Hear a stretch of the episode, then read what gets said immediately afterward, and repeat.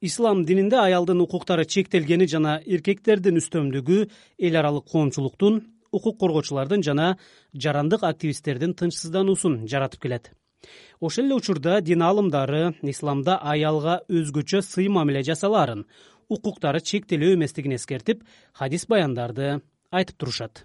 Ага карабай көп учурда аялдын коомдогу орду дайыма экинчи планда калып чечим чыгарууда таразанын ташы эркектерге ооп кетет. Бүгүн исламдагы аялдардын укуктарын турмушка чыгуу жана нике кыюудагы оош кыйыштардын мисалында айтып беребиз. Менин аты жөнүм санжар эралиев. Бүгүн төртүнчү октябрь эки миң он тогузунчу жыл. Биз жана дин. Биз жана дин эми баягы философия деген термин эмне экенин билбей туруп токтогул философиялык ырларды жазган сыяктуу эле гендер деген термин өзү жарала элек мезгилде аялдын укугун э, ислам дининде эң жакшы коргогулгон деп айтууга негиз барбы ушул аялдардын укугун баскарлаган нуркыз кадырбекова ош облустук айымдар кеңешинин төрайымы. Мисалы эң жөнөкөй эле аял турмушка чыгып жатканда анын э, калыңы кыргызча калыңы ушу динде махыр деп берилет экен бул махыр аялдын өзүнүн каалабаган адамдан никесин сактоонун сонун жолу. Эгерде сен кандайдыр бир жигитке тийгиң келбей аткан болсо анда өзүңдүн махырыңы аябай жогору баада айтып койсоң аял ошону айткандан кийин төлөбөсө ал жигит ошого мыйзамдуу күйөө болууга акысы жок. Ошол келишимди кабыл албаса бирок жашоодо андай болбой жатат. Нуркыз айым балким аялдарга тилектештик максатында гана сүйлөдүбү деп бир топ дин аалымдарынын ушул жааттагы сөздөрүн сабактарын талдап чыктык. Диний ишмер абдышүкүр нарматов. Мисалы кереметтүү курани каримди карап чыга турган болсок курандын эч бир жеринде эркектер деген сүрө жок аллах таала аялдарды сыйлап ниса сүрөсү аялдар. Баардык аялдардын укугуна байланыштуу аялдар жөнүндөгү сүрө. Ошондой эле аллах табарака таала кереметтүү куранда марьям энебиздин аты менен аталган сүрө. Аял заты ким? Аял заты бул менин энем аял заты менин өмүр жолдошум аял заты менин эжем жана аял заты менин карындашым. Бирок тилекке каршы бүгүнкү күндө көптөгөн мусулмандарда биз мусулманбыз деп исламдагы аллах табараква таала аял затынын укугун сыйлагандай биз сыйлай албай калдык. Абдышүкүр нарматовдун бул кайрылуусун видео түрүндө открытая линия уюму интернетке жайгаштырган бул уюм аялдардын тең укуктуулугу үчүн күрөшүп кыздарды зордоп турмушка узатууга каршы чакырыктарды жайылтып келатат. Жигиттерге айтарым баягы никеге алуудан мурда баардык нерсени ойлонуш керек бул нике деген сөз? Жөнөкөй эле ала качып келип бул кумарыңды кандыруу беш күндүк он күндүк нерсе эмес. Бул жоопкерчилик. Урматтуу мекендеш көңүл бур жаш жигиттер.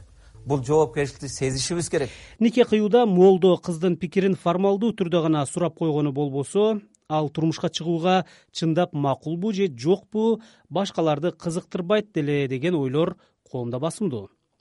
Дин турмуш куруу маселесинде кыз келиндердин укуктарын канчалык коргойт абдышүкүр нарматовдун жообун угалы пайгамбарыбыз саллаллаху алейхи вассалам динибизде ушундай дейт. Эгер кыз балагатка жеткен кезде биз келип туруп ошонун жакындары сага паланчынын баласы пустанчы жуучу болуп келди колуңду сурап келди ошого тиесиңби десе ага мен тийбеймин каалабайм десе кала берсе ата эне да аны мажбур бирөөгө никелеп берүүгө укугу жок. Кыз түшкөн жеринде оор анда кетем десең сени кээде ушул үрп адат болуп калган ал кыздын жолуна бешикти коюп коюшат дейт. Же болбосо каарыган кемпир жатып алат. Албетте бул жерде кыздын укугу баардык нерседен жогору турат. Мен ошондой барып баягы нааразы болуп өзү каалабаган жерге барган кыздарга айтар элем бешик эмес эмнени койсо да сенин укугуң эң жогору турат. Ошондуктан бешиктин үстүнөн аттап өтөсүңбү же жанагы кемпирдин үстүнөн өтөсүңбү эч ойлонбостон кеткин. Аллах табарака таала аял затынын укугун өтө жогору койгон. Биз жана дин андан кийин эгерде аял өзүнүн баласын э, мен бакпайм бул сенин балаң да бул сенин тукумуң улантуучу. Мен эгерде эмизсем анда менин акымды төлөп бер деп айтса динде анын ошол сураган акыны эркек төлөп берүүгө милдеттүү деген да жери экен. Нуркыз кадырбекова ош облустук айымдар кеңешинин төрайымы. Түздөн түз жоопкер сенсиң сенин балаңды бакканга менин жаным кыйналып атат мен эмизгим келбей атат төлөп бер. Десе ошону төлөп берүүгө милдеттүү деген нерсени менимче баардык диний аалымдар тастыктайт болуш керек. Анда эмнеге бул түшүнүк коомго тегиз жайылбай жатат? Мен кызыгып көрдүм да ошону эмнеге ушул нерсе айтылбайт десе бул маселе каерде айтылат. Мечитте айтылат жумадан кийин айтылат айт намазда айтылат дааваттарда айтылышы мүмкүн ошол жерге аялдар барбайт да. Бул окуя суралбайт.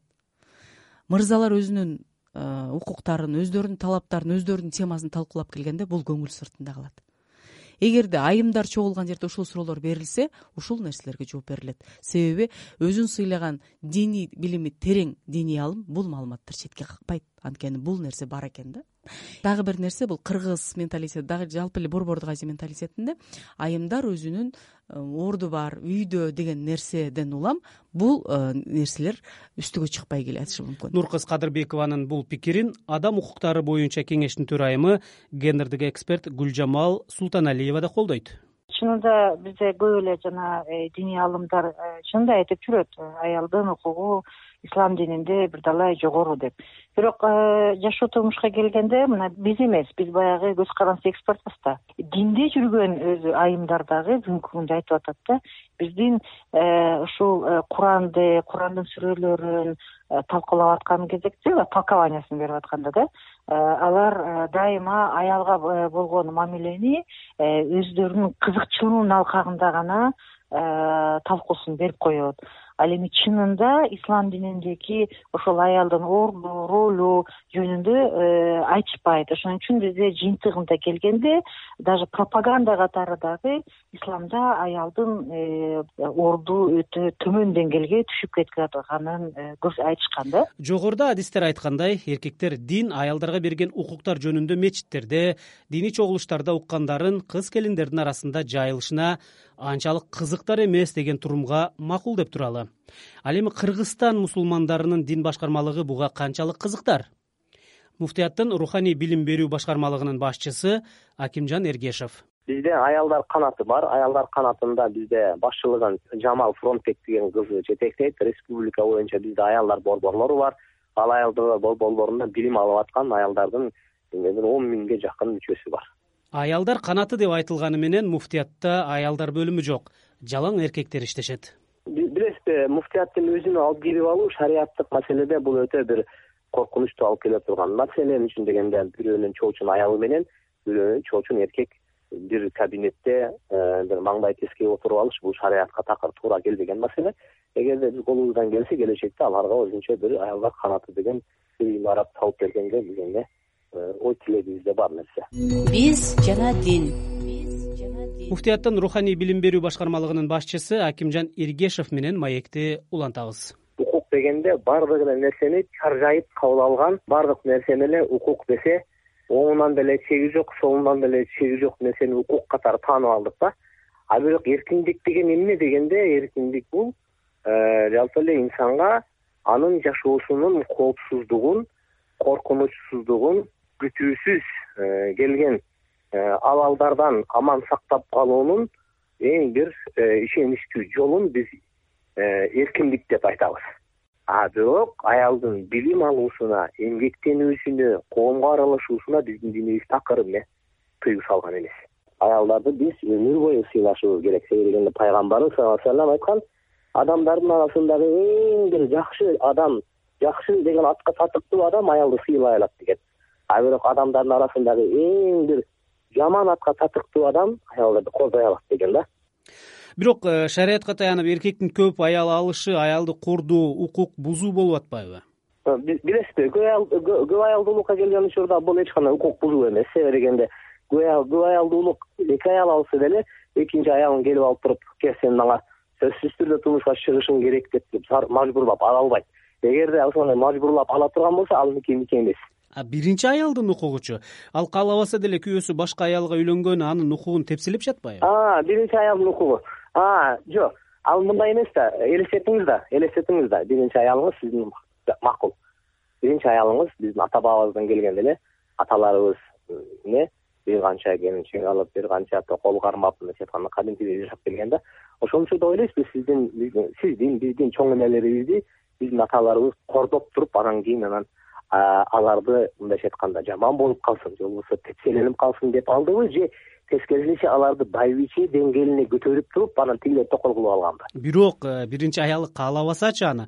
Анын ой пикири менен эсептешпей коюу туура эмес го. Жок каалабаган болсо сизге кожоюн эмес ал мындай эле ал мындай эле мындай эле логикалык эле маселе кожоюндук статус сизде калсын.